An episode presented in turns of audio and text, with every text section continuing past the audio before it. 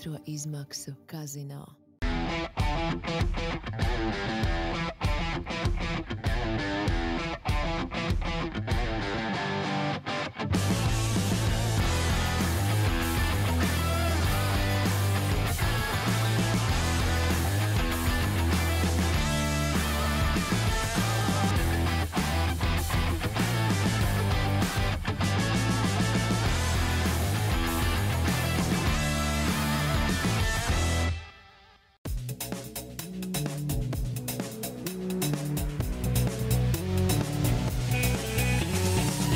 F1 LV podkāsts. Labdien! Formula 1 līdzjutējiem patiesībā ļoti liels prieks teikt, ir labdien, nevis vēlu labu vakar, kā tas bija pēdējās trīs dienas. Jo Meksikas lielās balvas izcīņa, vai Mehiko esam pavisam precīzi, notika šajā nedēļas nogalē, un tie laiki pēc Latvijas laikam bija ļoti vēli.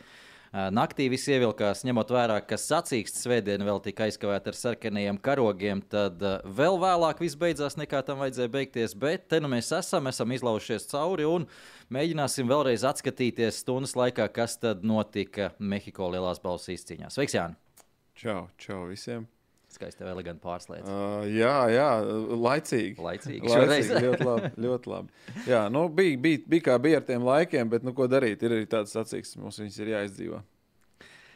Jā, mums ir tēmas, ko mēs varētu parunāt šodien. Tēmas ir interesantas un daudz, un skatītāji, kā vienmēr, tēmas mums ir pateikuši priekšā jau.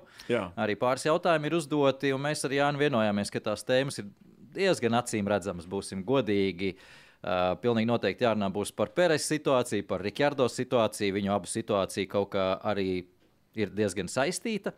Uh, tāpat jārunā pilnīgi noteikti par Lando Norris. Lando Norris, laikam, beigās palika arī labākais sacīkšu pilns pil, uh, skatītāju balsojumā. Man liekas, ka jā. Mhm. Jā, ļoti pamatot arī par viņu parunāsim, paslavēsim. Tāpat atskatīsimies uz avārijām, uz sadursmēm. Mums ir arī video. Nedaudz atskatīsimies arī uz kvalifikāciju, ko es jau teicu Jānim, ka tā, manuprāt, bija viena no vispār interesantākajām kvalifikācijām šogad, dēļ īpatnībām, kas bija trasē. Nu, un tā apmēram lauzīsimies cauri tam Meksikas posmam. Aiziet. Uh, Jāni, kā tu domā, kas bija spilgtākais sacīkstes moments? Vai vismaz priekš nevis kā tu domā, bet kurš priekš tevis bija spilgtākais sacīkstes moments? Kā Lando apzina Džordžiņu. Ugh, netipiska izvēle. Es Es ne, speciāli. negaidīju. Es speciāli. Es zināju, ka tu negaidīsi. tādu negaidīju. Galīgi negaidīju. Es, es varbūt domāju, varbūt Magnusens, nu, Pēres varētu būt. Vai... Nē, nē. Zini, kā es esmu, Paskaidro, jā. es esmu no tiem cilvēkiem, kas uh, nefano par to, ka, cilvēki, ka, ka piloti tiek avārijās. Un, uh, es arī nekad faktiski neskatos kaut tur crash compilation saucamos vai kaut ko tamlīdzīgu. Uh, jā, es skatos reizēm kaut kādas sadursmes tikai tāpēc, lai izanalizētu, kas tur ir noticis un kā lai to vairāk neatkārto. Bet uh, man, es, nepa, es neeju skatīties vai, vai neieslēdzu televizoru, skatīties sportu, tāpēc, lai redzētu uh, avārijas. Es saprotu, ka daudz to dara, un tā ir viņa izvēle. Tā nav problēma. Vispār tas ir ok. Bet uh, man nē, man patīk kaut kāda skaista mirkļa, un, uh, manuprāt, Lando apdzīšanas manevrs pret Džordžiņu bija uh, nu, viens no skaistākajiem, pārdrošākajiem un tādiem tīrākajiem un foršākajiem manevriem, kāds šogad ir bijis. Tāpēc mans spilgtākais moments. Tev noteikti patika arī, ka Hamiltons apzina Leclerc tādā gadījumā. Jā, jā, tur arī bija labi. Viņa riepa uz zāles, Jā. tur tas un šitais. Jā, jā tas, arī, tas arī bija droši un smuki, bet jāsaka godīgi. Lai arī tas arī bija nu, tā, tā kā forša apzīšanas manis, bet nu, tas, ko izpildīja Lando, tas bija. Tā bija ekstra klasa. Uh, nu, uh, sajaucu nedaudz to scenāriju, jo es gaidīju, tā, es tā paredzēju tavu atbildi nedaudz citā virzienā, un tad mēs varētu to iztā- iztirzāt sīkāk. Tu man uh, iedzini stūrī, bet un tad ķersimies pie Lando Norris pārmaiņas. Pēc uh, to arī runāsim. Uh, pavisam īsi par Lando Norris situāciju sestdienā, kas, kas notika, kāpēc viņš tika. Uh, Kāpēc viņam nācās startēt no tik zemām starta pozīcijām? Un šeit uzreiz jāsaka, ka sestdien Lando Norris ļoti lielā mērā pats pie tā bija vainīgs. Tā bija viņa kļūda. Eh, Protams, bija arī objektīvi iemesli. Pirmkārt, eh, tehniskas problēmas, kā izrādās, tad eh, degvielas padeves kļūme pirmajā lidojošā aplī ar vidējās sastāvā riepām, kur viņš nepabeidz līdz ar to pirmajā kvalifikācijas kārtā iebrauc boxos. Kas tobrīd bija dīvaini, izbrauc ārā ar mīkstās sastāvā riepām, un tad šajā lidojošā aplī ar mīkstās sastāvā riepām viņš pieļāva mazu, mazu kļūdiņu pirmajā sektorā, pirmā sektora beigās. Un centās to kompensēt otrajā sektorā, ātrijos sesijas līkumos, cik nu tādi tur ir. Um, Mehiko trasē viņi nav, protams, tādi, kā mēs redzējām varbūt iepriekš Austinā un Japānā. Bet, jebkurā gadījumā, tur pa tām apmalēm ir jābrauc ļoti agresīvi pāri. Tur sakļūdījās uh, Lando Norris, un tā bija tā viņa kļūda. Viena maza kļūda rada stresu, rada vēlmi kompensēt, un rada vēl lielākas kļūdas. Viss aiziet pa kaskādi, var teikt. Un uh, vēl viens mēģinājums pēc atdzesēšanas sapļu bija ar tām pašām riepām, kuram, kuru viņam jau nobloķēja Lonso saslīdēšanu un dzeltnieku karogu, līdz ar to bez laika palika. Jā, jā. Nu, bet aizstāvot Lando Norris un šo kļūdu labojumu, es teikšu godīgi no pieredzes. Mēs, kad braucam arī kvalifikācijas vai vienkārši treniņos, arī, kad mēģini dabūt šo ātrā laiku un vēl kaut ko, tad uh, Es bieži esmu saskāries ar to, ka, nu, ja mēs ņemam to, tos pašus biķerniekus, ja, nu, tāds sarežģītākais līkums patiesībā no, pil, no piltēšanas viedokļa ir šis pirmais elkoņa līkums. Ja. Tur ir ļoti precīzi jāiebremzē iekšā, tur, nu, tur, tur, tur ir savs nianses, kā saka. Un uh, tad bieži vien ir tā, ka tu tā kā, tev bija labs izējas ātrums, tu visu pienāc klāt, tev ir forši forš jau tā kā, un tad tu nopūdelē bišķi to elkoni, un tad tev ir viss pārējais aplis. Un godīgi sakot, bieži vien tu nokompensē to kļūdu. Un tad, kad tu esi viņu nokompensējis, un aizbrauc atpakaļ, tu domā, kāpēc es nevarētu nokompensēt beidzot visu apli? Saprāt, nu, ka tu, nu, nu, nobrauc visu apli, tad tā kompensējoties. Nu, kāpēc tu pēkšņi, no kurienes tu dabū vēl tā rezerve kaut kur, jā? No kurienes tu viņu izķeksēji? Kāpēc tu pēkšņi Tad jau varēji, tas jā? viss ir prātā patiesībā. Tā kā tas viss ir galvā, un, un, un, un tāpēc nevar pārmest jā. Lando arī to, to, to mēģinājumu nokompensēt to atlikušo kļūdu. Nu, tā, tā, tā mēs darām. Nē, mēģinājumu nokompensēt, es domāju, arī nevajag pārmest. Tas viss ir, tas viss ir skaisti, bet... Nu, nesagāju šoreiz. Nu, uh, nu, Cik ļoti mēs viņu slavēsim par svētdienu, šeit tomēr ir. Un viņš arī pats sevi, jā, jā, protams, viņš pats jā. sevi nedaudz arī, nu pat ne, nedaudz, viņš diezgan fundamentāli sevi kritizēja par šo kļūdu. Jo kur ir tā, tā problēma? Viņam kā vadošās komandas pilotam, un šobrīd McLaren ir viena no vadošajām komandām, attiecīgi kāda ir Jā. formula, šobrīd otrā ātrākā, būsim godīgi, ja mēs tā paņemam dažādās trasēs, tad uh, viņam kā vadošās komandas pilotam nu, šādas kļūdas ir nepieļaujams tikai tāpēc, ka viņš pirmajā kvalifikācijas kārtā viņam ir jātiek diezgan mierīgi cauri, bez lieka stresa, ar nelabākajām riepām, ar nelabākajiem regulējumiem. Un, uh, faktiski neuzliekot sev lieku stresu un pat nevajadz, un nebija vajadzības neko kompensēt. Mm -hmm. Un tas bija jāparedz, ka viņam nav jākompensē. Tā. Pirmā kļūda viņam bija tik niecīga, ka tur nebija kas, ko kompensēt. Viņam tāpat tas, tas, tas pārsvars bija diezgan milzīgs. Faktiski tā ir tā lieta, kur varbūt viņš nav pārslēdzis sev smadzenēs, ka viņam nav jādzinās un jāriskē, ka viņš ir viens no vadošajiem braucējiem, vai vismaz viņam tehnika ļauj tādam justies. Mm. Un tas, ko viņš izdarīja sacīkstē, manuprāt, fantastiski parāda, kas, kas ir, kas slēpjas Lando Norris tomēr uh, spējās. Un, uh, kā teica Andrejs Stela, kurš ir strādājis ar Alonso pirms tam ar Šumacheru. Eh, viņš teica, es nelielu bez vajadzības pilotus, bet šodien es redzēju kaut ko tādu, ko pēdējo reizi es esmu redzējis 12. gadā Valencijā. Jā, uh, Alonso. Alonso. Jā, tie bija viņa vārdi. Un, uh, tā kā nu, desmit gados Andrejs Stēlis neko tādu nav redzējis, uh, varbūt mums tas paslīdē nedaudz garām, bet kur, ir tas milzīgais iegūms London Norris gadījumā? Nevis iegūms, bet uh, tas pienesums, tas, ka viņš veic apdzīšanas, nu, Jānis arī teica, fantastisks apdzīšanas un uh, Rasela apdzīšana vienkārši konfliktīta. Uh, Bet uh, atcerieties, ka šī trase augstkalnē ir ar uh, pamatīgu gaisa retinājumu, kur tās bremzes visi auklē bremzes sacīks laikā. Veids, ap, veids apdzīšanas pēc noklusējuma nozīmē, ka tu bremzē vēlāk, Jā. bremzē agresīvāk, uh, griez iekšā agresīvāk, visu dari agresīvāk. Un tev nepārkars ar bremzes, tev nenodila riepas, to visu darot. Tā ir tā māksla, ko izdarīja. Viņš veids apdzīšanu centākās desmit km pāri. Arī un... temperatūra zinājā, jo tu seko formulē, tu. Kā... Jā, viss vis, vis temperatūras iet augšā to, to ko. Uh, Hamiltonam teica, ka Boningtons tieši brauc ārā uz labo pusi, atdzesē, atdzesē visas temperatūras, jo viss iet augšā, braucot, viss karstais gaiss nāk no Rikārdo. Tā kā, man liekas, ka tas ir tas, tas fantastiskā, fantastiskākais, ko paveicis Noris. Precīzi. Jā. Es ceru, ka tur vēl bija palielināts. Ko, ko, ko, ko, ko tur vairs lielīt? Es domāju, ka mēs jau salielējām viņu pietiekami daudz. Viņš arī to ir pelnījis. Tāpēc ļoti labi. Jā, jautājums bija par Londonu Norrisu un Piastrīs. Jau pieminēt, jautājumu es varbūt neatradīšu precīzu formulējumu. Tur arī... bija, tur, jā, tas jautājums bija vienkārši, kā, kāpēc pēkšņi tur Norris bija ātrs un Piastrī nebija. Uh, šo mēs arī runājām. Uh, iepriekšējos posmos tur īstenībā nekas nav mainījies. Tiklīdz mēs esam trasēs un uh, trases konfigurācijās, un arī apstākļos, arī laika apstākļos, uh, kur tās riepas ir uz robežas, vai nu priekšējās, vai aizmugurējās, uh, un viņas ir jāmenedžē sacīkstes laikā. Uh, Piastrī nav nevis nav talanta un nevis nav spēju, uh, bet pagaidām nav datubāzes. Nav pieredzes. Nav pieredzes, nav informācijas, kā to darīt, kā to labāk darīt, kā to ilgstoši darīt, ko darīt sākumā, ko darīt beigās. Un uh, daudziem nav jaunajiem. Problēma ir tā, ka daudz jaunie vienmēr saka, atrod kaut kādus citus iemeslus, kas ir vainīgi. Un labākais ar Piastrī ir tas, ka viņš vienmēr saka tieši kā ir. Nu, man nav tā informācija. Es viņu vienkārši vācu šobrīd, uh, es mācos, un tas ir mans uzdevums. Es mm. redzu, ka to var izdarīt, to var izdarīt London Norris, tad es arī to varu izdarīt, bet es to nemāku, un es to mācos. Jā. Vienkārši pasakā, jā, es, es esmu pie vainas palielam. Un man liekas, ka tas ir labākais, kas. kas... Jā, nu, Piastrī atstāja ļoti labu iespēju patiesībā. Ne tikai, ne, ne tikai no tā patiesībā rūkīja fenomenālā snieguma, ko viņš šogad savā pirmajā sezonā rāda, bet arī tas, kā viņš runā ar presi. Cik viņš ir paškritisks, cik viņš ir nosvērts, kā viņš strādā ar komandu, radio sakara ar komandu arī. Nav tādi kā dažiem labiem bērniem, par kuriem mēs parunāsim. uh, Mēs arī par to Brasiļā. uzreiz varētu parunāt, jo Jā, tieši Piastri nu- saskrējās ar Cunodu. Jā, jā nu, tur, eh, nu, darbie skatītāji vai klausītāji, kas, kas, kur jūs mūs redzētu vai dzirdētu, es jums teikšu, godīgi, man nepatīk. Man goda vārds nepatīk. Man, man reāli sāk besīt vienkārši tas Cunoda ar visiem tiem saviem izgājieniem. Lai cik viņš it kā ārpus, eh, ārpus trases būtu mazs pūkains Tas ir Jānis, eh, kas tur runā. Jā, mazs pūkains un, uh, un, un, un likās simpātisks, bet nu, tas, kā viņš runā ar komandu un visu tā bļaušanu un ņemšanās, visu, nu, tāds, jā, nu, Alts jau pirmie pareizi minēja, ārpus kadra. Viņš teica, ka nu, kā izlutināts bērns. Nu, patiesībā tāda iespēja tas arī atstāja. Un, un tas, nu, tas nav ne profesionāli, ne kaut kādā savādākā veidā, man liekas, pieņemami. Tāpēc, nu, ja, nu, es nezinu.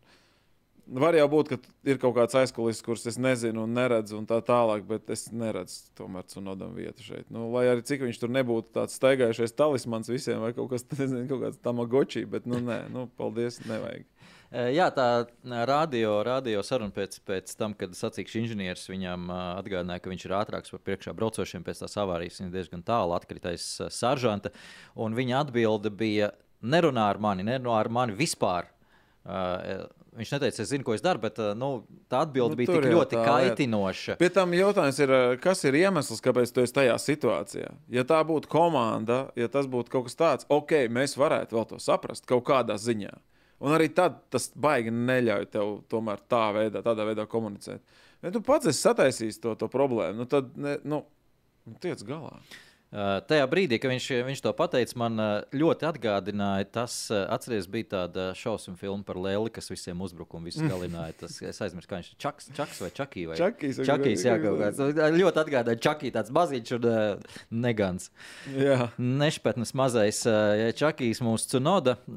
Jā, nu, Ar Cunodu es domāju, ka vai par Cunodu vēl būs jārunā sakarā arī ar, Rikārdo. Bet atgriežoties pie šī incidenta ar Piastrī, nu, tur skaidrs Cunodas problēma. Tā bija pilnīgi noteikti šajā kontaktā, bet vēl paskaidrojot arī Piastrī tempu vai tempu zudumu beigās, tad pēc šī kontakta nu, 3 no 4 sekundes tā vismaz uh, McLaren ziņoja, bija Piastrī tempu zudums, viņam bija grīdas bojājums vienā pusē. Uh, Līdz ar to diezgan pašsaprotam, ka pie Astrī tiek prasīts arī palaist garām Norisu. Un, uh, un ko viņš arī bez, bez liekas runas Jā. izdarīja. Un, manuprāt, uh, pēc tam Nu, arī arī, sarunas. arī, sa- arī Norris parādīja to tempu, kā Jā, viņš arī jā, aizbrauca no viņa arī projām. nebija, un, viņa, un viņa uzdevums bija noķert tikai ar to, viņš to izdarīja. Tā kā, tā kā tur, jā, tur jautājums ir. Nu, nu, es vienkārši saku to, ka, nu, ja es būtu Frans Tosts un tā tālāk, nu, es atkal jau atkārtošos. Es nezinu, kas ir tur ar Hondu vai kaut kā, nu, kāpēc tas. Bet man liekas, ka Rikārdo un Lajams Lawsons varētu būt absolūti fantastiski lielisks uh, pilotu pāris, ar kuriem varētu forši strādāt un sasniegt labus rezultātus. Nu, Uh, Jā, par Lielu Lausonu tad pavisam ātri, ja jau, ja jau tu viņu pieminēji. Tā, viņš tā arī neizcīnīja čempionu titulu Superformula čempionātā. Ah, ok, to es Svētdienas, rīt, nezināju, ok. jā, svētdienas rītā bija otrā sacīkste. Uh, pirmā bija pārtraukta, es ieliku arī Twitterī to avāriju. Varbūt tu redzēji, tur, Nē, tur, tur bija jau pēc pāris apļiem pārtraukta sacīkste pusi punkti, kur jau viņš saņēma maz punktus. Un uz svētdienas, uz pēdējo sacīksti jau bija mīnus 12. Viņam tur tāda pašpunktu skaitīšanas sistēma. Viņš jau bija trešajā vietā atkritis.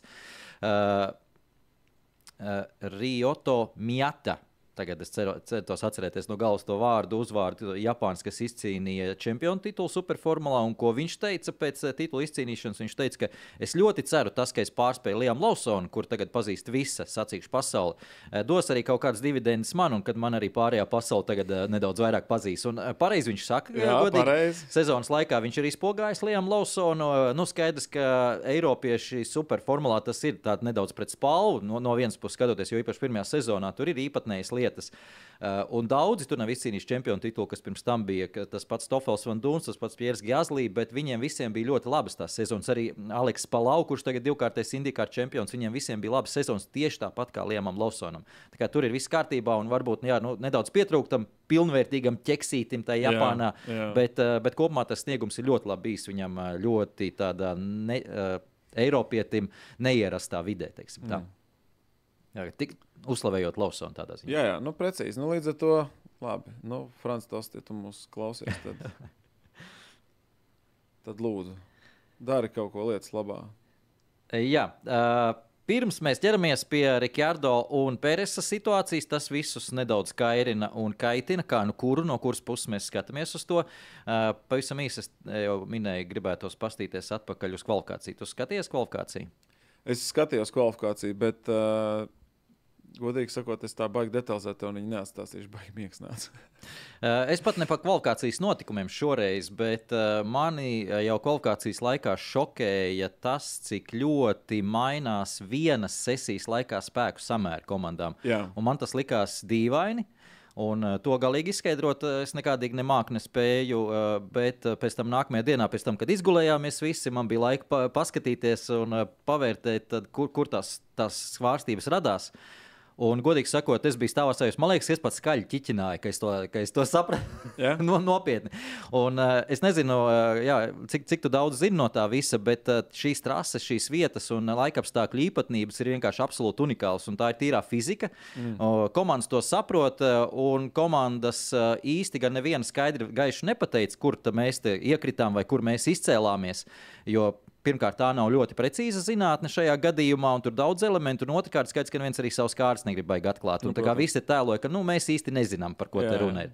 Eh, Bet tā lieta ir tāda, ka Ferrari, kur viņi izcēla savu pirmo starta rindus eh, sestdienas kvalifikācijā, viņi faktiski trāpīja trasē tajās divās minūtēs, kad laika un trases apstākļi bija absolūti ideāli tieši priekš viņu formulas. Mm -hmm. Uh, un tā īpatnība ir tāda, ka 25% uh, gaisa retinājums, par to jau mēs esam daudz runājuši. Jā. Vēl viens efekts, tur ir efekti ļoti daudz no tā visa, bet vēl viens efekts ir tāds, ka tajā brīdī, kad spīd saule, tad gaisā ir pa 25% mazāk skābekļa molekulas, kas tos saules starus mm. aiztur. Mm -hmm. respektīvi, ja gaisa temperatūra paceļas apmēram pa diviem grādiem, tad trases temperatūra paceļās neadekvāti. Mm -hmm. Ne tā kā citur visur pasaulē, kur nu jā, nu nedaudz uzsilst, bet šeit tās gaisa molekulas neaiztur to starojumu un uh, trases temperatūra nenormāli uzkars tajā brīdī. Un tas iet te arī tieši tajā pašā pretējā virzienā. -hmm. uh, pirms kvalifikācijas palika nedaudz vēsāks, pa diviem grādiem, pa deviņiem grādiem kritās trases temperatūra. Un deviņi grādi, tu ļoti labi zini, Formulā 1 uz trases tas ir mežonīgi daudz. Mm. Tas ir ārkārtīgi daudz. Tie, kas bija ātri, varbūt pirmajā kvalifikācijas kārtā vai treniņos vēl pirms tam, otrajā kvalifikācijas kārtā un trešajā bija lēni un otrādi. Jā. Jo jāņem vērā, ka uh, skaidrs, ka tā ir tikai temperatūra, tā ir viena dimensija, jo jāņem vērā, ka katra mašīna vēl reaģē savādāk uz šīm temperatūras izmaiņām. Protams. Uh, un vēl jāņem vērā, ka šajā trasē, kas ir visīpatnēji, ka priekšējā asa. Atšķirībā no aizmugurējās asas arī uh, riteņiem un riepām strādā atšķirīgi. Ja tu brauc uh, pirms kvalifikācijas lidojošu aplī, pirms lidojošu aplī iesildi, es- uzsildi savas riepas, tu ļoti ātri pārkarsē aizmugurējās un tu neuzkars, neuzsildi priekšējās. Mm -hmm. Tas ir tā, ka, ja tu agresīvi to darīsi, tu būsi aizmugurējās pārkarsējis, un priekšējās nebūs tāpat uzsilušas. Un piloti un komandas izmantoja bremzes, lai uzsildītu priekšējās rie, riepas. To stāstīja Pirelli savā Un patiesībā es iesaku Pirelli paklausīties, jo viņi ir neitrālie. Un viņi stāsta to visu, to, ko nestāsta komandas. Mm. Un, uh, tur ļoti daudz graudus var izlobīt. Viņi, mm. viņi šo lielāko daļu šo informāciju, ko es arī tagad stāstu, ir, ir, ir, ir uh, atraduši, izanalizējuši zem mikroskopu un izskaidrojuši.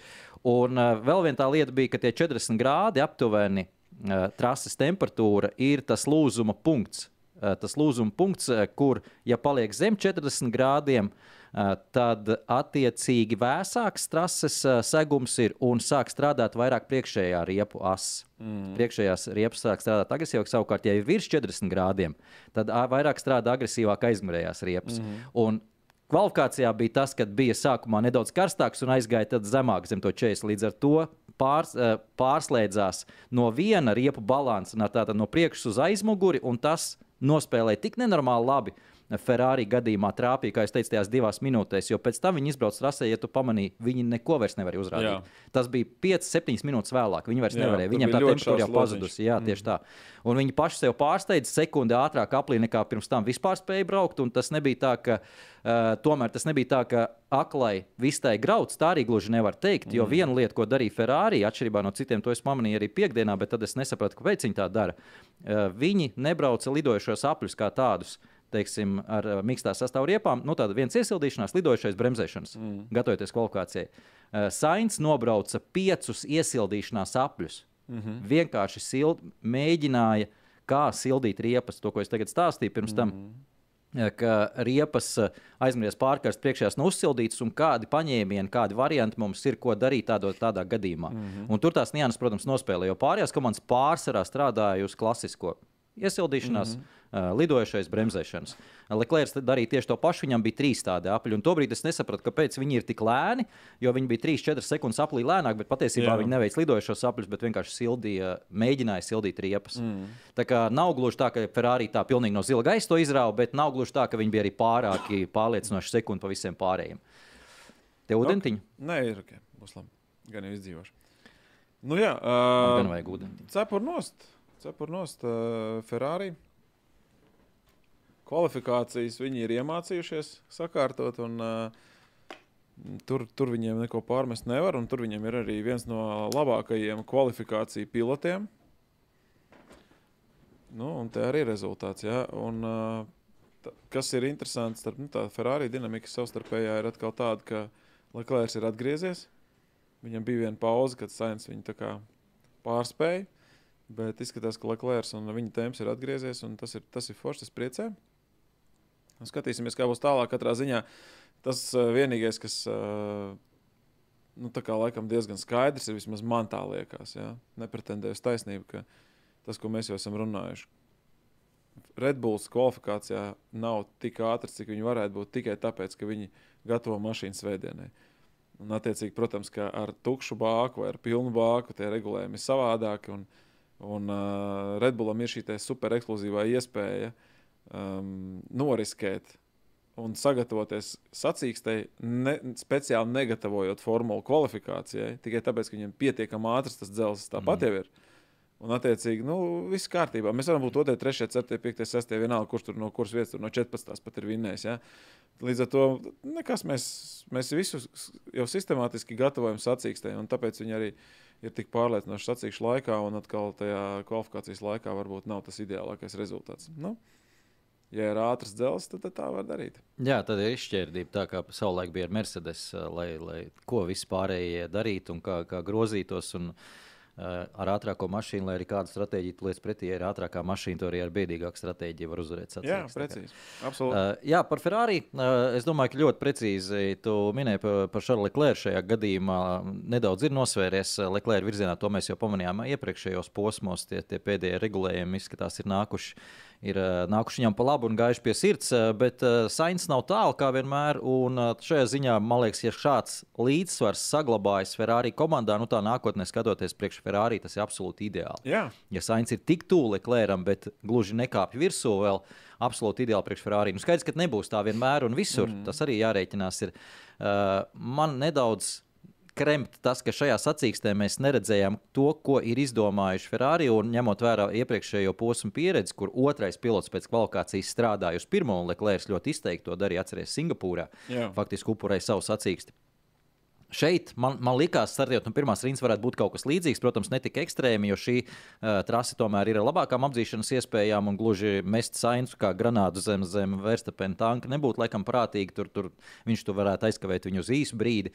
Uh, bet ņemot vērā, ka pirmajā līkumā jau viss sakārtojās pa labu Verstapenam, tad mēs neko īsti no tā neredzējām. Tālāk Jā. faktiski Ferrari taisīja savu stratēģiju neatkarīgi no tā, ko dara Verstapens. Neviens vairs īsti uz viņu neskatījās. Un pat tajā brīdī, kad Hamiltons izvirzījās otrajā pozīcijā, pozīcijā, ja tu uh, pamanīji, nu, bija tā, tāds noskaņojums, ka varbūt nu, tagad viņš varētu kaut kā mēģināt mesties pakaļ uh, Verstapenam vai, vai nu, kaut kādu stratēģiju veidot. Neviens uz to pat necerēja un nedomāja. Tā vienīgā doma bija arī Hamiltonam tik līdz finišam šajā otrajā pozīcijā. Tik prom no Ferrari tā, lai, ja Tieši tās riepas beidzās, tad viņam ir kaut kāds labs buferis, lai Jā. viņi tomēr nenoķerē. Un, ne, nu, tas ir arī saprotams, jo šajā ziņā nu, Mercedes ar Ferrari cīnās konstruktora kausā. Kā īstais brīdis varbūt arī uzlikt pirms nākamās tēmas. Mums ir konstruktora kausa bildīti.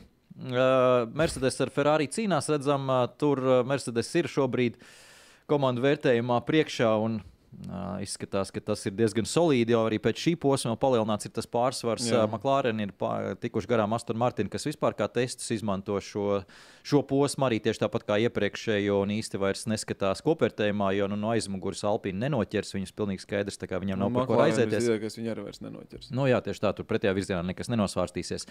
Bet, ja jau ieslēdzām to bildi, tad pievērsiet uzmanību Alfa Tauri lēciens. Mēs runāsim, protams, par Danielu Rikārdo garām, Alfa Romeo garām Hāšu šobrīd. Viljams gan arī tik pie diviem punktiem, bet, eh, nu, ja šādi turpinās, es neteiktu ne čiku, ne grabu, ka var vēl pacīnīties arī ar Viljams Alfa Tauri uzņēmuši šādu tēmu. Alpīna ir vienīgais kaut kāds baltais balods tajā visā balītē. jā, nu viņiem diezgan tāda vienota. Ne šis, ne tas. Ne šis, ne cep, ne vārīts, jā. jā. Nav, nav jautri, bet uh, mēs tālāk varētu iet droši vien pie Rikārdo. Jā, jā, tas tā diezgan pludeni pārējais labi, par Danielu Rikārdu es uzreiz uh, pateikšu, es gribu dzirdēt tavas domas uh, kopumā, bet es pateikšu vienu lietu, ka man personīgi tas ir ārkārtīgi patīkams notikums. Ir fanboy. Uh, nu, kāda, kā, vienmēr prasa, nu, pa kur tu fanoji? Kurš tā nav? Jā, nu, kam, Nē, nu, tas, kam, tas kam arī Rikārdo nepatīk. Nē, nu, gan jau, ka kādam nepatīk. Nav jā. viss vienādi. Nekad, nu, labi, bet nu, tad bija jāatrod kādu, par ko fanot. Un tad es atradu Danielu Rikārdo. Nav īsti, īstam loģiski nekāda izskaidrojuma. Vienkārši foršs čels un, jā. un uz priekšu. Un man dikti patīk, ka viņš ir atgriezies un atgriezies labā formā. Man ļoti patīk intervijas ar viņu, jo um, tu vari tā nu, teiksim, pēc tās kvalifikācijas intervija arī, kas bija tā oficiālā intervija. Nu, viņš ir tik ļoti patiess savā emocijās, tāds uh, tīrs.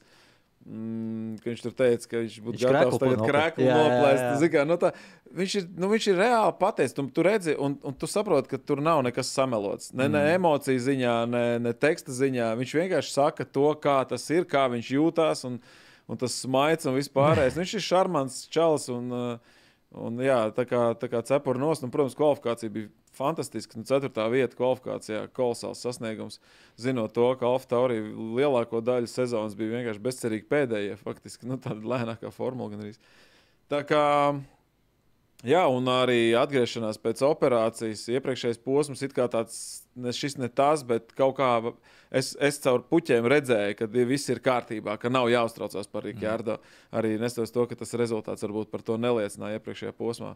Un te viņam iedod iespēju. Super. Lūdzu. Jā, par Rīgārdu nedaudz sīkāk, tad jau piedodiet, dārgie mīļie. bet parunāsim vēl par runājam, viņu. Runājam, runājam. Iepriekšējais posms, atgriešanās, jā, tā bija sprinta sacīkste. Nevaram aizmirst vienu treniņu sesiju tikai. Un, uh, jāatcerās tas, ka tajā starplaikā, kamēr Rikārdo bija prom tajos posmos, Alfa Tauri nāca ar jauniem uzlabojumiem, diezgan fundamentāliem. Pirms šiem uzlabojumiem Rikārdo bija sācis veidot savu regulējumu bāzi, ja tā var teikt. Un, kā viņš pats teica, jau pašā, pašā pirmajā posmā, kur viņš startēja Ungārijā, tad es jūtu, ka šī mašīna pēc, pēc tā noklusējuma ir pilnīgi atšķirīga no McLaren, un es, es šeit varu strādāt. Un tas nozīmē, ka tur ir daudz jāstrādā, lai tos regulējumus atrastu. Viņš to bija sācis darīt. Un tieši uz Zandortu pirmais treniņš bija tas, kur Rikārdo teica, ka jūt, jūt to jau rezultātu tam, tiem, tam darbam.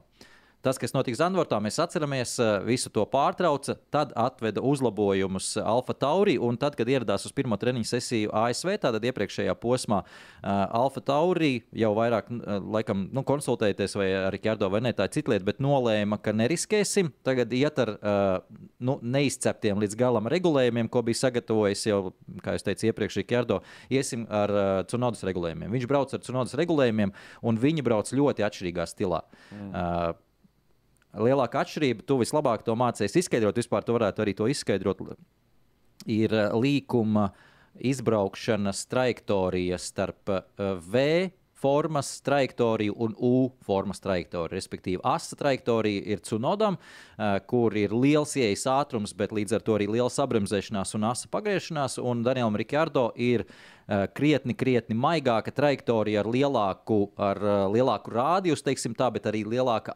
minimālā ātruma saglabāšana līkuma apeksā.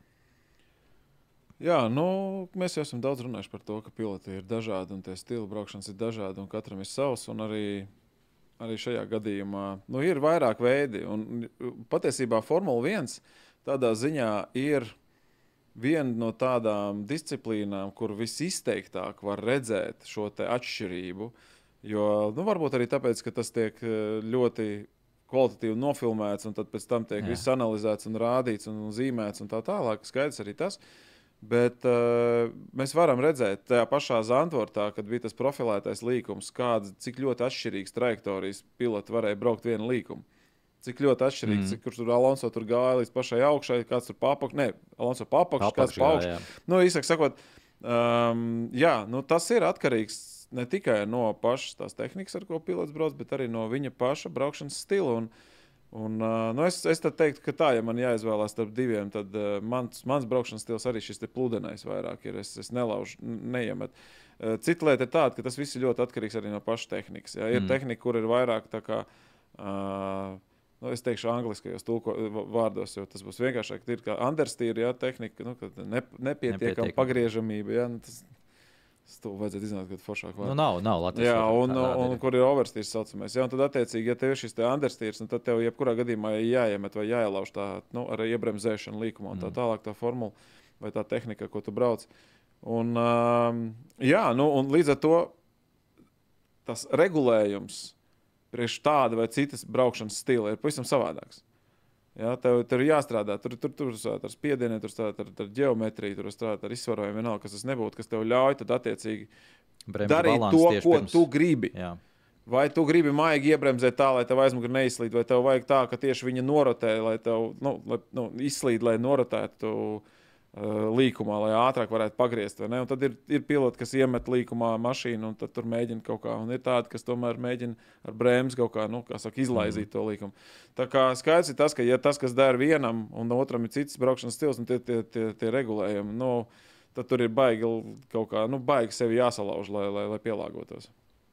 Jā, Rikārdo teica, stāstīja arī sīkāk par šo visu. Tad, tā, tas viņa stils, tu tieši minēji, ka Viņam pirmajā līkuma fāzē ir nepieciešama mašīna, kur nedaudz izslīd aizmugure, viņa kontrolēti izslīd, lai viņš varētu viņu iegriezt, ierotēt līkumā. Mm. Tā, ierotēt līkumā Ar lēznāku trajektoriju. Un tad jāsaglabā lielu ātrumu, nebremzējot tās, saglabā lielu ātrumu. Un kā viņš teica, ja mašīna man klausa līkuma pirmajā fāzē, kas nekad faktiski viņam viņš atcerās, viņš teica, divas, trīs reizes man McLaren bijis tā, ka man klausa pirmajā fāzē mašīna mm. kaut kāda apstākļa. Uh, šeit uzreiz to viņš ir spējis panākt ar regulējumiem, un, ja klausa pirmajā fāzē, tad man ir pilnīgi viena alga, kas ir otrajā un trešajā, jo viņš tiks galā ar sekām. Kā viņš teica, es pārējo tikšu galā.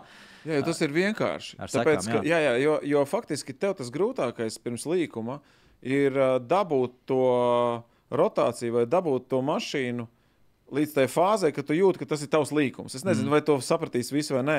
Bet tu jūti, tu, tu redzi, ka tu pie tā ātruma, pie kāda tu esi pienācis, pie tās bremzēšanas, pie tā visu, ko tu esi izdarījis pirms ieejas līkumā, un tad, kad tu pagriez stūri vai pagriez, nu, sāc rotēt mašīnu, nu, tu jūti, vai būs vai nebūs. Yeah. Un, tad, un tad, kad tu jūti, ka būs, tad tālāk tiešām ir elementāri. Jau. Tu vari tur vai no gāzīt spēlēties, vai kaut kā nu, ar, ar stūri piekuriģēt, viss kaut kas. Tas pārējais jau ir īzī. Mm. Jo pats grūtākais ir tieši trāpīt no tās bremzēšanas punkta, trāpīt tajā apeksiņā tā, lai tas būtu pietiekami ātri un lai tev būtu forši izēja. Nu, līdz ar to pats svarīgākais, nu, kā es to redzu, ir, nu, visi runā, ka jādomā par izēju, nevis par ieeju, bla, bla, bla, bet tas ir sākumā. Mm.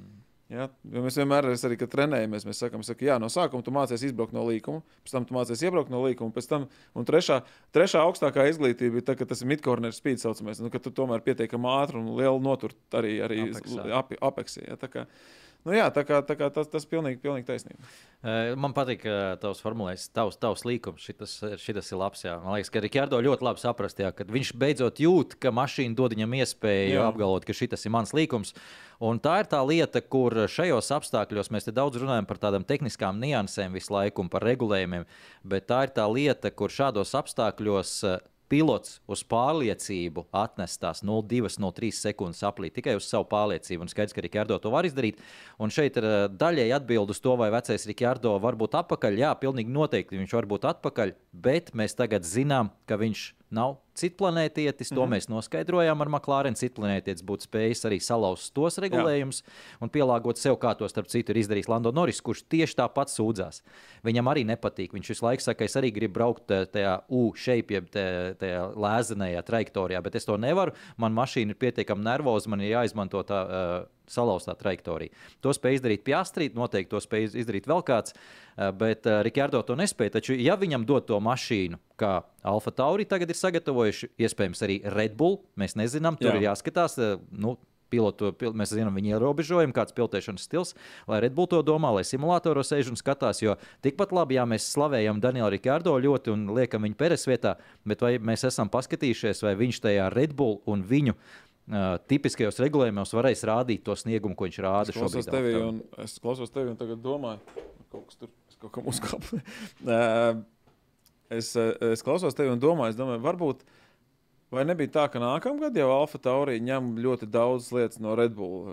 Ņem. Vai ne? Ņem. Nu, redzi, man liekas, ka te sāk zīmēties kaut kāda loģika. Mm. Nākamajam gadam Peresam vēl ir līgums. Ok. Ja nākamgad Alfa Taurī ņem lielu, lielu daļu no Red Bull, un tur brauc Rikārdo, un ja viņš ir, ja tās formulu uzvedība trasē samērā līdzīga, ja viņi ir daudz ko nokopējuši. Jā, es Un, ja saprotu, tu tiek jā. ar to galā, tad reku ir viss kārtībā, un tad viens gadiņš jāpaciešās. Viņš Jā. jau nav tik vecs vēl. Uh, jā, uh, runāsim vēl par Peresu, bet uh, sapratu loģiku. Jā, mm, diezgan saprātīgi. Vēl pavisam īsi par to, kāpēc bija ātrs Daniels Rikārdo tieši šajā trasē. Pirmkārt, šī trase viņam arī vēsturiski ļoti labi gājusi, mm. un tas ir svarīgi. Mēs zinām, ka ir trase, kur piloti uzreiz jūt, zina, saprot Nu, un dabiski arī, aiziet. nu. Jā.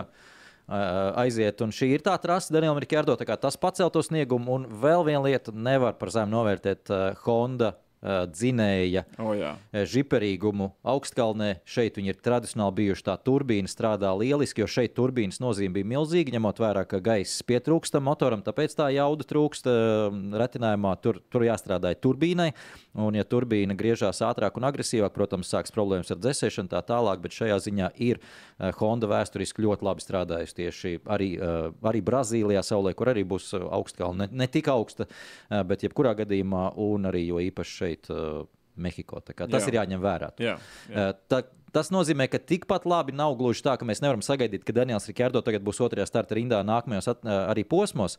Tīri teorētiski es domāju, ka drīzāk mēs varētu cerēt uz to, ka viņš spēlēsies kaut kur uz robežas par iekļūšanu trešajā kvalifikācijas kārtā. Tas Jā. būtu jau Jā. ļoti labi, ja tādu līmeni viņš notur līdz beigām. eh, Es domāju, ka ir, ir uzdevums izpildīts. jā precīzi. Mm, es piekrītu. Uh, nu tad esam nonākuši lēnām līdz uh, smagākajam punktam. Kā es redzēju, viens, uh, viens no līdzstājiem rakstīja, acīm redzot, viņš ir uh, Pēres līdzjutējs. Man ir tāda aizdoma, ka ir es, es tā vēsturiski viņš atceros. mēģināja pārdot uz Vegas biļeti. Jā, tas, kas mēģināja uz Vegas biļetes pārdot. Es nezinu, vai tiešām viņam tā biļete ir, bet nu, viņš izklausās ļoti nikns. Nu, pamatot. Katru nedēļu same shit. viņš raksta tā kā. Jā. Uh, nu tad par Peresu. Nu, izstāsti, ko tu domā par Peresu. Nu, man, patīk, to man, man patīk tās konspirācijas teorijas Twitterī saistībā ar Pēresu. Um, kur es godīgi nevaru pastrīdēties. Zini, kā, tas bija tāds nu, kā, plāns izpildīts. Uh, uztaisīja no sevis nu, tā, Atstāstot saviem vārdiem, uztaisīja no saviem varoni, cenšoties uzvarēt sacīksti. Pirmajā Ātri likumā. izstājās, lai pēc tam uh, nebūtu atpalicis pāpili no Verstapena dzīvē. Jā, Nu, kā, nu, apmēram tā. Nu, īsāk sakot, viņš tāpat būtu zaudējis visdrīzākais un izskatītos vēl muļķīgāk nekā tagad cenšoties pirmajā līkumā pārmulu kādu apdzīt. Nu, apmēram, nu, kad, uh, ja no diviem kauniem labāk šitais. Šis ir eh, interesants lieta. Es arī sasmējos, redzēju, jā, un, uh, nu, protams, tā, taisnība gan jau, ka tā nav. Bet, uh, Viena interesanta lieta par Peresu, ja viņam būtu izdevies šis manevrs, uh, tīri teorētiski viņš izvirzītos līderpozīcijā, nu visi tur sajūgt prātā tā histērija, tur trīsvienais būtu vaiprātīgi. Uh, bet Red Bull būtu milzīga problēma tajā brīdī, mm. jo Pēc Peresa tempa, kas bija ļoti labs šajā nedēļas nogalē kopumā, uh, un viņam ir tāda paša mašīna kā Maksam Verstapenam, un tām apzīšanām negāja viegli. Nevis tāpēc, ka nevar apdzīt, bet, kā jau teicu, tas process, ja tu uzreiz to neizdari, tas process nenormāli ēd riepas, temperatūras, visu pārējo. Es pieļauju, ka nebūtu tik viegli Verstapenam apdzīt tā, tā tieši trasē. Un tas nozīmē savukārt, ka viņiem bija abiem divas boxu apmeklējuma stratēģijas, bet atšķirīgas riepas. Verstapenam bija divas uh, palikušas cietā sastāvā riepas, mm. savukārt uh, Persam bija divas vidējā sastāvā riepas. Un viņiem būtu atšķirīgas stratēģijas. Uh, un šeit būtu meksikāņiem tik daudz iemesla, līdzstājiem, es domāju, tik daudz iemesla. Uh, radīt kaut kādas sazvērestības teorijas, ja Peres tiktu apdzīts uz uh, atšķirīgu sacīkšu stratēģiju, izmantojot undercut, jo viņi neiedziļinātos, ka tur ir tādas riepas vienam, tādas otram, ka tas brauc boxos ātrāk, piecus sapļus vai septiņus sapļus un uztaisīja Verstapens undercut, uh, ka viņam tāda stratēģija ir. Bet tāpēc, ka jūs Peresam iedavāt slikto stratēģiju, Peresam iedavāt sliktās riepas. Nu, tur būtu tāds dumpis, jo iedomājieties, abi cīnītos par uzvaru, un Verstapens apdzītu viņu. Visdrīzāk apdzītu, nu, tā, ja godīgi paskatāmies. Gan jau, ka apdzītu. apdzītu. Viņam būtu brīva trase, labi, pat ne, neatzītu viens pret vienu, eh, bet apdzītu vienkārši stratēģiju. Viņam būtu brīva trase, viņš izmantot savu ātrumu un gan jau, ka tik garām stratēģija. Jā. Nu, un tad es domāju, ka vien, dubultu uzvara pat būtu bijis sli- sliktāks gadījums priekš Red Bull komandas kā tāda šajā gadījumā nekā šis iznākums. Un man ir arī ieteikums Papam Peresam. Viņš kvalifikācijas laikā rādīja šitā te. Tā kā pirmā, nu, tā kā pirmā vieta, ja? bet īstenībā viņš uzminēja. Tas ir pirmais līkums, pirmajā aplī. Ja? Kad bija avārija, ka viņš vienu apli pat nenobrauks. Viņš rāda, viņš vienu apli pat nenobrauks. Tas nākamais rāda šitā, tā, ka, nu, ka visi forši. Ja? Visiem būs labi. Pa, pa Peres. Vēl par Peresu, par viņa intervijām. Man viena lieta nedaudz tā kā neuztrauc, bet tā nepatika. un Es ļoti ceru, ka varbūt privāti pats Peres tā nedomā, un ka viņš tā kā vairāk bišķiņa arī tajā histērijā ir iekritis šeit. Proti, uh, viņš teica intervijā pēc sacīkstes, tā kā sacīkstes laikā patiesībā, pēc tam es skatījos to visu, klausījos, bet viņš sacīkstes laikā sniedz intervijas, un viņš teica, man tas bija jādara. Tas bija mans māju posms, man bija jāiet uz visu banku. Jā. Un es domāju, ka nē, ka viņam tas nebija jādara. Uh, ar to ātrumu, kas viņam bija, ar to pozīciju, kas viņam bija, ar uh, nedaudz vēsāku prātu, goda piedestāls būtu bijis diezgan drošs. Jā, Līdz ar to absolūti. viņš izpildītu pašu galveno, kas viņam ir jāizdara uh, Meksikā. Un nu, tāds iešana uz visu banku tikai tāpēc, ka tas ir māju posms. Nu, iedomājieties, visi pārējie iet vienkārši tā kā tanki visiem cauri tikai tāpēc, ka tas ir māju posms. Mm. Nu, es, es, kā es saku, es ceru, ka viņš nedaudz ir tajā visā ažiotāžā, tajā milzīgajā spiedienā aizgājis arī tādā nedaudz orbītā, un tāpēc tā bija viņa runāja, ka viņš tā mierīgi atskatīsies, un gan jau, ka viņš tā īsti nedomā, un tad vajadzētu tā vēstu to visu uztvert. Jo, ja tā tiešām viņš domā, nu, tad tur jāsāk ir tiešām arī Red Bull sāk domāt, vai, vai ir īstais pilots jau šogad, uz nākamo gadu, vai ir īstais pilots uh, Red Bull vienībā, jo tas, tas izskatījās diezgan izmisīgi jau. No viņa prasa Jā, to, nu- no viņa gaida to, un viņš arī ir gatavs iet pār līķiem, lai to dabūtu gatavu. Šogad, ā, šogad, protams, viss ir mierīgi. Ja? Redbulls viss ir dabūjis, ko viņam jādabūt, tāpēc tur nekāda spiediena patiesībā uz viņu nav. Viņš pats lielāks spiedienu uz sevi uzliek noteikti nekā vispārējie. Nu, tieši Meksikā, es domāju, liels spiediens. uh, un sevišķi, protams, bet nākamgad, redzot to, ka gan McLaren ir pielicis, gan Mercedes ir pielicis, un viņi nākamgad visdrīzākais būs vēl tuvāk Redbullam, jo, nu, mm. ja Redbulls ir izvilcis visus savus uh, zaķus no cepures ārā, tad, tad nu, tagad baigais tas progress. Jā, ok, viņi, protams, viņi būs turpat priekšgalā. Bet jautājums ir tikai, cik kur pārējie būs, atl... nu, teiksim, cik tuvu vai tālu būs pārējie. Un, ja viņi būs tuvāk, tad tur, tur jau konstruktoru kausa un tādas lietas vairāk varbūt Verstapēns uz savas ādas vien, vien, no saviem pleciem arī neizvilks. Jā. Un tur jau tad, tad, tad tiks sāksies īstais, īstais spiediens. Un tad vēl ir tas, ka tas ir pēdējais kontrakta gads. Un tad viņam ir vai nu dārda, kā saka, situācija. Un tad, tad nu, tāpēc eh, šogad, jā, nu ko šogad? Nu, palielam vienalga, nu, lai eksperimentē. Nu, šoreiz nesagāja, nu, nekas. Es domāju, ka viņam tā arī jāiet. Ir. Ir jāmačī uz pilno, tur vienalga. Nu, kas būs, tas būs. Sūdīgāk, kas saka, es nevaru notikt. Nu, kas būs, būs, bet nu, ar, ar kaut kādu domu jau, jau, jau nākamajā gadā. Tomēr. Eh, es varbūt pateikšu kaut ko netipisku, bet man, godīgi sakot, tāda sajūta lēnām izslāņojās par Peresu un par šo posmu. Uh, nezinu, vai, vai spēšu to tā izskaidrot, lai tu izsakot līdzi, lai vispārējais spētu izsakot līdzi, bet, uh, manuprāt, šis posms Peresam ir pēc iznākuma, pēc visa tā, ir labāks uh, nekā viņam būtu bijis un arī bija pirms tam, kad viņš bija nenormāli švaks kvalifikācijā. Tālu no Verstapena, bet sacīkstē uz tā rēķina, ka viņam labākā mašīna. Viņš tur pacēlās un tika kaut kur, nezinu, līdz 5, 6, vienalga pozīcijai un finišēji. Bet šeit viņš kvalifikācijā bija salīdzinoši tuvu Verstapenam visu nedēļas nogali. Uh, Bet eh, nu, pirmais līkums, labi, ir pirmais līkums, bet nu, vismaz kopumā ir redzams, ka viņš nav tik tālu. Līdz ar to es negribu, uh, negribu apgalvot, ka šī bezcerīga viņam nedēļas nogala. Patiesībā tā nogala Arī, viņam jā. bija ļoti laba. Eh, tas, ko viņš izdarīja pirmajā līkumā, ja noņemam to nost, tad tas sniegums jau viņam bija krietni labāks nekā citos posmos. Jā, bet iedomājieties, kā mēs esam reducējuši savus expectācijas pret, traki, pret traki. Peresu. Ja tu saki, ka viņam nedēļas nogala bija ļoti laba, 0, 3, ka viņš ar ātrāko formulu 0,3 sekundes no komandas biedra un nebija pat otrais. Jā. Jā, jā, tieši tā. Nu, šobrīd eh, tā situācija tā ir, bet no nu, 3 sekundes prasa no viņa paša Red Bull. To, to, es neizdomāju, to viņi saka. Bet viņi tas jau ir 0,2. Bet, bet tas jau ir izsmiekls. Tas, ja pat nu, viņi no viņa prasa, tas nozīmē, ka viņi jau vairs necer, ka viņš ir pietiekami ātrs. Nu. Jā. Jā, žēl, eh, žēl vai diemžēl. Eh, un līdz ar to es to minēju arī tiešraidē laikā, starp citu, ka Drive to Survive, manuprāt, šeit uztaisīja vienkārši fantastisku vienu sēriju. Mm. Uh, drāma Meksikā, kur uh, cīņa ir notiek aizkulisēs starp Rikārdo un Peresu. Uh, Peres eh, kvalifikācijā ir aiz Daniela Rikārdo. Sacīkstē jau pirmajā līkumā sajiet viss viņam eh, uz īso. Un, un Daniels punktos. Un Daniels pārliecinošos punktos. Otrajā trasē, otrajā trasē pēc atgriešanās. Jā. Protams, tā, tā, tā sērijai vajadzīgs vēl ir noslēgums, jo skaidrs, ka velk visus to, ka Rikārdo nomaina viņu, eh, nomaina jā, jā, jā. viņu Redbullā, un tas, tas noslēgums varētu tikt nofilmēts kaut kad krietni vēlāk, ja, bet, bet, vai arī nu, nofilmēts, ka, ka nenomaina. Bet, bet, Bet es domāju, ka tur vesela sērija uztaisīta un vienkārši Drive to Survive Netflix berzē rokas par šito. šito. Es arī domāju, ka tas būs labs materiāls viņam tieši tā. Eh, es domāju, ka mēs eh, varam jau, jau, ka tur līdz tev var teikt, nu, ko jūs valkat visu laiku kopā tās lietas, bet patiesībā nu, to nevar nevilkt kopā. Kaut kāda drāma mums ir jāuzbūr un skaidrs, ka paši piloti, ap citu, ļoti interesanti. Abiem tas tiek prasīts nenormāli daudz un nenormāli bieži. Gan Peresam, gan Rikārdo. Nu, Peresam, attiecīgi, nu, kā jūties tur no aizmugures elpo Rikārdo? Rikārdo, nu, kā jūties tu tagad labā pozīcijā, tu droši vien esi jau, jau Peres vietā gan rīzai. Un abi divi tā kā pilnīgi vai nu ignorē tos jautājumus, vai nu tik ļoti riņķī aplaipo tam visam, ka nu, negrib vispār iedziļināties. Bet mums nu, pilnīgi skaidrs, ka abiem ir sapilināts uz smadzenēm pamatīgi. Un Rikārdo, es domāju, ka arī tur berzē rociņas. Kurš nebūtu?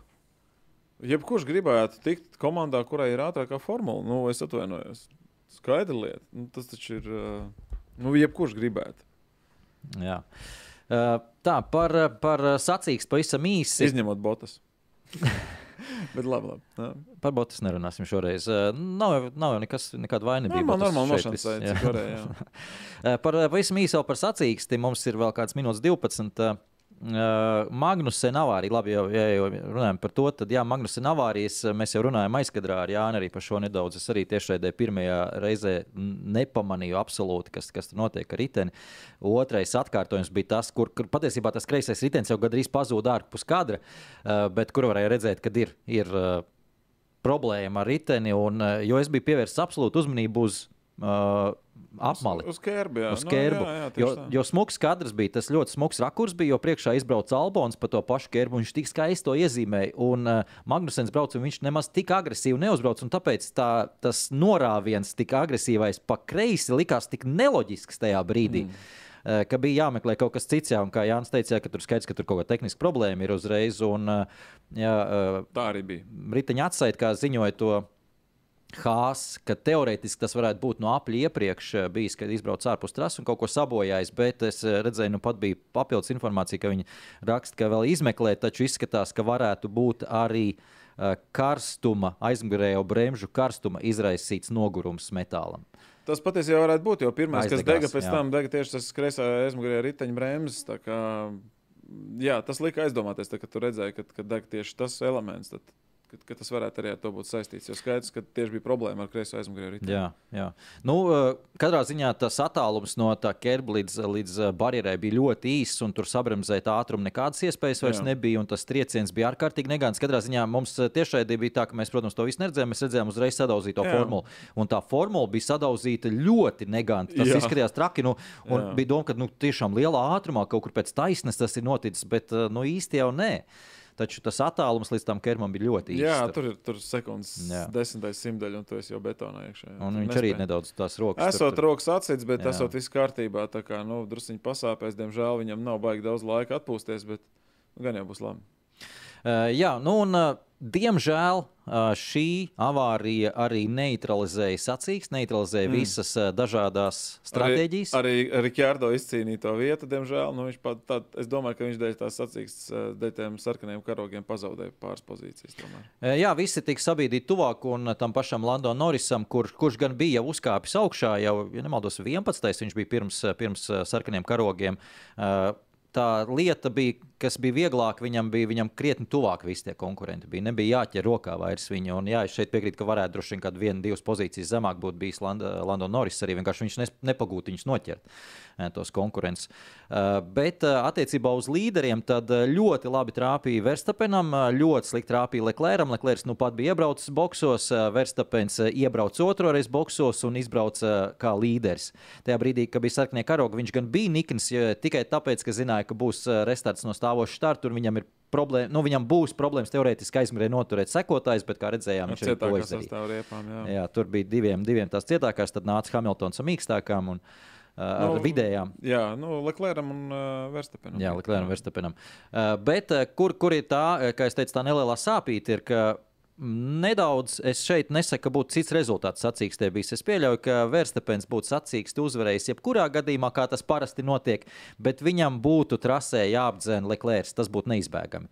Uh, le, respektīvi, tas ļoti tuvojās tas mirklis pēc otrā boxa apmeklējuma. Verstapens atgrieztos aiz Leclerc. Uh, un tas ātrums gan jau bija, bet mēs, kā jau teicu, redzējām tieši tāpat situāciju, kas, ko es pirms tam jau stāstīju, ka, ja tu uzreiz netiec garām, un ja, Kle- ja Leclerc aizķerās, un skaidrs, ka viņš šeit nelaist vairs garām tā, ka Jā. viņam viņš iet pa uzvaru, viss tur, tur skaidrs, ka iet līdz Precīzi. pēdējiem, nav vairs starpības, tad tev arī sāks problēmas, un arī Verstapenam ilgstoši braucot sāktos problēmas.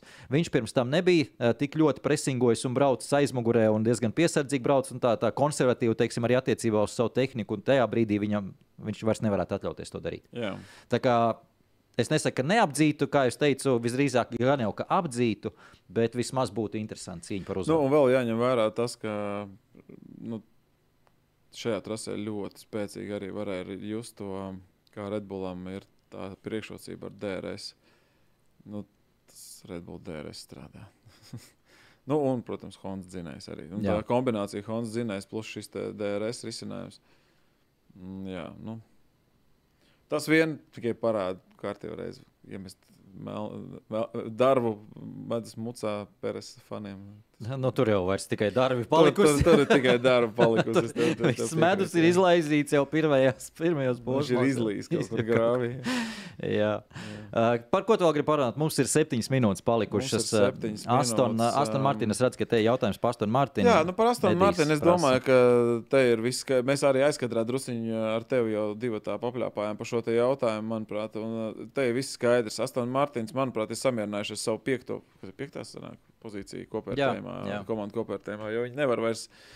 Viņiem nav tik ātra tā formula, lai viņi varētu cīnīties atlikušos posmus ar McLaren.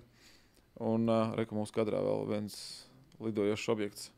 Reku, nu, noču draugs. Mušiņi. Um, viņi, nu, viņi grib, viņi visu laiku tam uz kadrā lido iekšā.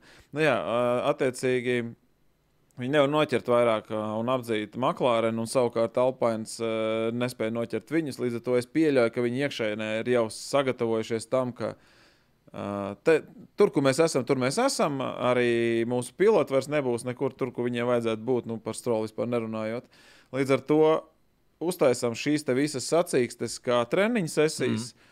gatavojamies nākamajam gadam. Uh, testējam jaunā, jaunās formulas, kaut kādus elementus, vācam uh, datus. Nākamā gadā tā arī posms būs šajās. Te, tad varbūt, lai mēs dabūtu spēcīgi arī gada nogali, mēs būsim jau nākamajam gadam gatavi šiem posmiem. Nu, kaut kā tā es to varētu iztulkot. Nu, jo, Nu, kaut kā baigais kreņķis viņu acīs vairs ne, netiek redzēts. Viņi, man liekas, ir sapratuši to situāciju, un, un viņi ir tur, kur viņi ir. Tur ar Astonu Martinu, diemžēl, visdrīzākais nekādas jaunuma, interesantas lietas vai intrigas līdz gada beigām nebūs. Jā, kopumā es, es piekrītu, jā, apmēram uz to iet, bet eh, tā raize tajā visā ir tas, ko teica Lando Norris. Lando Norris nedaudz pārspīlēja un pamatīgi ieknāba sāpīgā vietā Aston Martin. Viņš teica, ka ar katru nākamo uzlabojumu jūs esat palikuši lēnāk un lēnāk, vai mm. viņi ir palikuši lēnāk un lēnāk. Un, uh, tas ir pārspīlēts nedaudz, bet daļa taisnības tur ir. Un tā ir tā raize viņiem. Viennozīmīgi, kāpēc viņi tagad sāk to diezgan izteikti izmantot šīs, šos visus posmus, kā treniņu, kā testu sesijas. Turklāt tik agresīvi to darot, ka maina uz svētdienu šasiju, pārkāpjot parku fermē un līdz ar to zaudējot arī visas starta pozīcijas. Viņam pilnīgi vienalga, viņam svarīgāk šobrīd ir tas fakts, ka viņiem ir jāatrod tā korelācija, kas acīm redzot ir pazudusi. Jo skaidrs, ka neviena komanda nekad neražotu uzlabojumus, tieši fiziski neražot uzlabojumus, kas nedod uh, progresu, nedod uh, iegūmu. Bet tā kā Jā. trasē tas iegūms neparādās, tas nozīmē, ka viņš parādās tikai viņu datos, aizmugurē tunelī un CFD. Un tā tad starp to un tas nav korelācijas nekādas. Un tā ir tā lieta, ko viņi šobrīd meklē. Jo viņi nevar iet uz nākamo sezonu, gatavot uzlabojumus nākamajam gadam, pat, pat domāt, attīstīt tos uzlabojumus, kamēr viņi nav atraduši korelāciju. Tas ir jāsakārto vispirms, un uh, to viņi, kā jau teicu, to viņi šobrīd nodarbojas, un tā ir absolūtā prioritāte. Bet tas atkal liek domāt, ka tās, tas formulas ātrums sezonas sākumā bija uz dūmu. Nejauši. Nu, to viņi arī. Nu, jā, nu, nu, tas viņus arī pārsteidza. Jā, nu, bija jau viņi, tas pārsteigums, jau viņam arī bija. Bet, um, jo patiesībā ja tas būtu bijis apzināts, tad viņi tomēr zinātu, uz ko strādāt un ko uzlabot un palikt vēl ātrāk. Bet kaut kā tas aiziet otrā grāvī. Ja? Jā, jo Viņi paši to, to nedaudz lika to nojaust, kad ir, ir pārsteigums to, bet eh, šeit ir tā lieta, to teica, man liekas, ka Garijs Andersons to vairāk ir teicis, ka komandai, lai būtu konkurētspējīgi, ir svarīgas eh, divas lietas - saprast, kāpēc tu esi ātrs, un saprast, kāpēc tu neesi ātrs. Tās ir jāsaprot, pirms tu vispār sāc kaut ko darīt, kaut kādas uzlabojumus veikt. Ja tu nesaproti, kāpēc tu ātrs esi, tad tas nekur ilgtermiņā pie laba nenovedīs. Un tāda ir sajūta, ka viņi sezonas sākumā nesaprata, kāpēc viņi ir tik ātri. Jā. Un līdz ar to viņi tagad nesaprot, kāpēc viņi ir tik lēni. Jā. Tā ir atšķirība no Mercedes, kur viņi nesaprata, kāpēc viņi ir tik lēni, un tagad viņi sāk saprast, beidzot, kur, kur, kur to visu izdarīt. Jā, jā. Mercedes scenārijs ir tučs labāks. Taču labāks. Uh, jā, uh, vēl par ātri par uh, godu piedestālu. Es arī biju pārsteigts. Maks Verstapens netika izsvilpts, tika izsvilpts Čārlis Leklērs uz godu piedestālu no intervijas laikā. Jā, nu, atrada, atrada, atrada kreiso, atrada malējo, ko izsvilpt. Jo varēja redzēt, cik Čārlis bija pirmkārt pārsteigts par to. Nabaks bija sanarvozējies tajā brīdī, un es teiktu, ka nepamatoti Meksikāņi viņu izsvilpa, jo nu, pilnīgi skaidrs, ka tar, tur, tur Peres vairāk sapinās meistarībā. Tā pirmā līnija es tā arī tev nepaprasīju par to konkrēto incidentu. Tā kā pavisam īsti to varēs ātri izstāstīt uz pēdējām minūtēm. Eh, bet, nu, Leklēram mēs tur nevaram pārmest. Viņam tādā gadījumā bija jāmet pa mēmiem un apmēram jāapstājās, jāizkāpj un lūdzu, Peres kungs, brauciet man garām. Tu nevari, tu nevari pārmest uh, tam, kas ir pa vidu starp divām formulām. Pie tam, nu, nē, nē, nu, tur Ak, Dievs, nu skaidrs, ka tas ir pirmais līkums un tas ir sacīkšu incidents. Arī Peresam patiesībā neko baigi daudz jau par to gājienu pārmest nedrīkst. Un nevar. Bet, eh, ja mēs gribam atrast kaut kādu vainīgo vai saprast, kas ir kas, un, eh, tad, tad tas noteikti nav Šārs Liklērs. Nu, tā kā galīgi nē. Tur, eh, tas bija vienīgais, kas vispār tajā brīdī kaut ko varēja glābt situācijā, bija pats Peres. Viņš to Jā. neizdarīja. Uh, jā, es redzēju, ka bija, bija arī komentārs, ka varētu viņš tā kā mierīgi pārmalt, tur izbraukt, uh, bet šeit arī ir jāsaprot, ka dinamikā nedaudz savādāk pie tā ātruma, ieejas ātruma tajā līkumā. Uh, viņam gluži nav iespējama vairs tāda trajektorija, tā skaisti, ļoti pārmaltā izzīmēt. Tas to. ir viens, otrs tā ir netīrā trases daļa, un Jā. Tas ir tomēr pirmais līkums, tikko ir starts, un tur ir kaut kāda nosacītā eforija arī profesionāļiem. Es uz beigām gribu vienu izcilu komentāru nolasīt. Es pirmā reize izlasīju, nesapratu. Tagad es laikam sapratu. Agnes, tā, ļauj, man, ļauj man atrast tā, tavu komentāru šeit, YouTube. Uh, Agnes raksta, Alfa Tauri ņem lielu daļu no Red Bull, ieskaitot arī Peresu. Jā, nu, zini, kā, um, protams, tas nav izslēdzams scenārijs, bet uh, es nezinu, vai Peres gribēs. Ja viņam nebūs sanācis, nu, teiksim, ja viņš, pieņemsim, ka ja viņš nākamgad vēl brauc, un ja viņš vēl joprojām ir ne, ne tuvāk kā trīs desmitaļas no Verstapena, tad kāds ir iemesls viņu ņemt? Arī Alfa Tauri. Nu, kāds iemesls tur Kāpēc nelikt uh, Lawsonu? Jā, kāpēc nelikt? Nu, labi, ok, ja tas ir Lausons kopā ar Cunodu, atkal ir slikti, tāpēc, ka no Cunodas ir tikai lamu vārdi, un no Lausons ir rūkīs, kurš nevarēs varbūt pateikt to, kas ir jāuzlabo formulē. Jā. Viņiem vajadzētu varbūt kādu pieredzējušu pilotu tādā ziņā. Mm. Bet no Peres puses, nu, nes, nu viss, nu, metam mieru, ja, it kā, nu tā. No otras puses, nu, jā, ok, mēs esam arī ar Botas uh, to tēmu cilājuši, un reku tagad nu, viņš brauc, izbauda vēl, nu, kamēr, kamēr līgums ir, var vēl pag, pag, pagāzēt, kāpēc nē. Nu, vai arī aizņem vietu kādam talantīgam braucējam. Tev Protams, tā jau, citu tā varētu jau vienmēr ir. eh, Nu, reku, Oli, Olijs Bermans. Bermans. Tas, tas, man liekas, šobrīd ir viens no tādiem uzlicošiem talantiem. Jā. Es kaut kā par, Par jaunajiem, jā, par jaunajiem daudz varētu runāt. Par to mēs citreiz, jo mūsu laiks ir beidzies. Uh, Olija Bermans, uh, Teo Poršērs, uh, tas pats Īzeks Hadžārs, uh, Andrejā Kimija Antonelli. Tur nāk vesela rinda jaunie. Būs interesanti pasakot viņiem līdzi. Vesti, jā, tieši tā. Uh, jā. Paldies, ka skatījāties. Mums priekšā ir Brazīlija. Uh, Brazīlija būs uh, atkal pavēlu tieši priekšā, tieši pa kursu. Ok.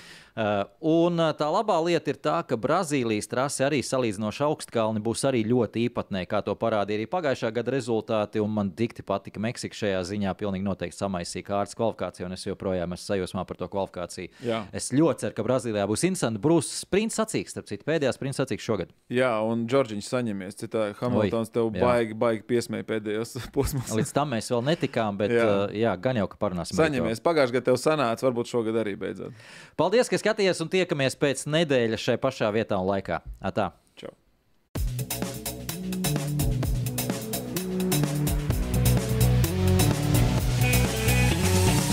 F1 LV podkāsts.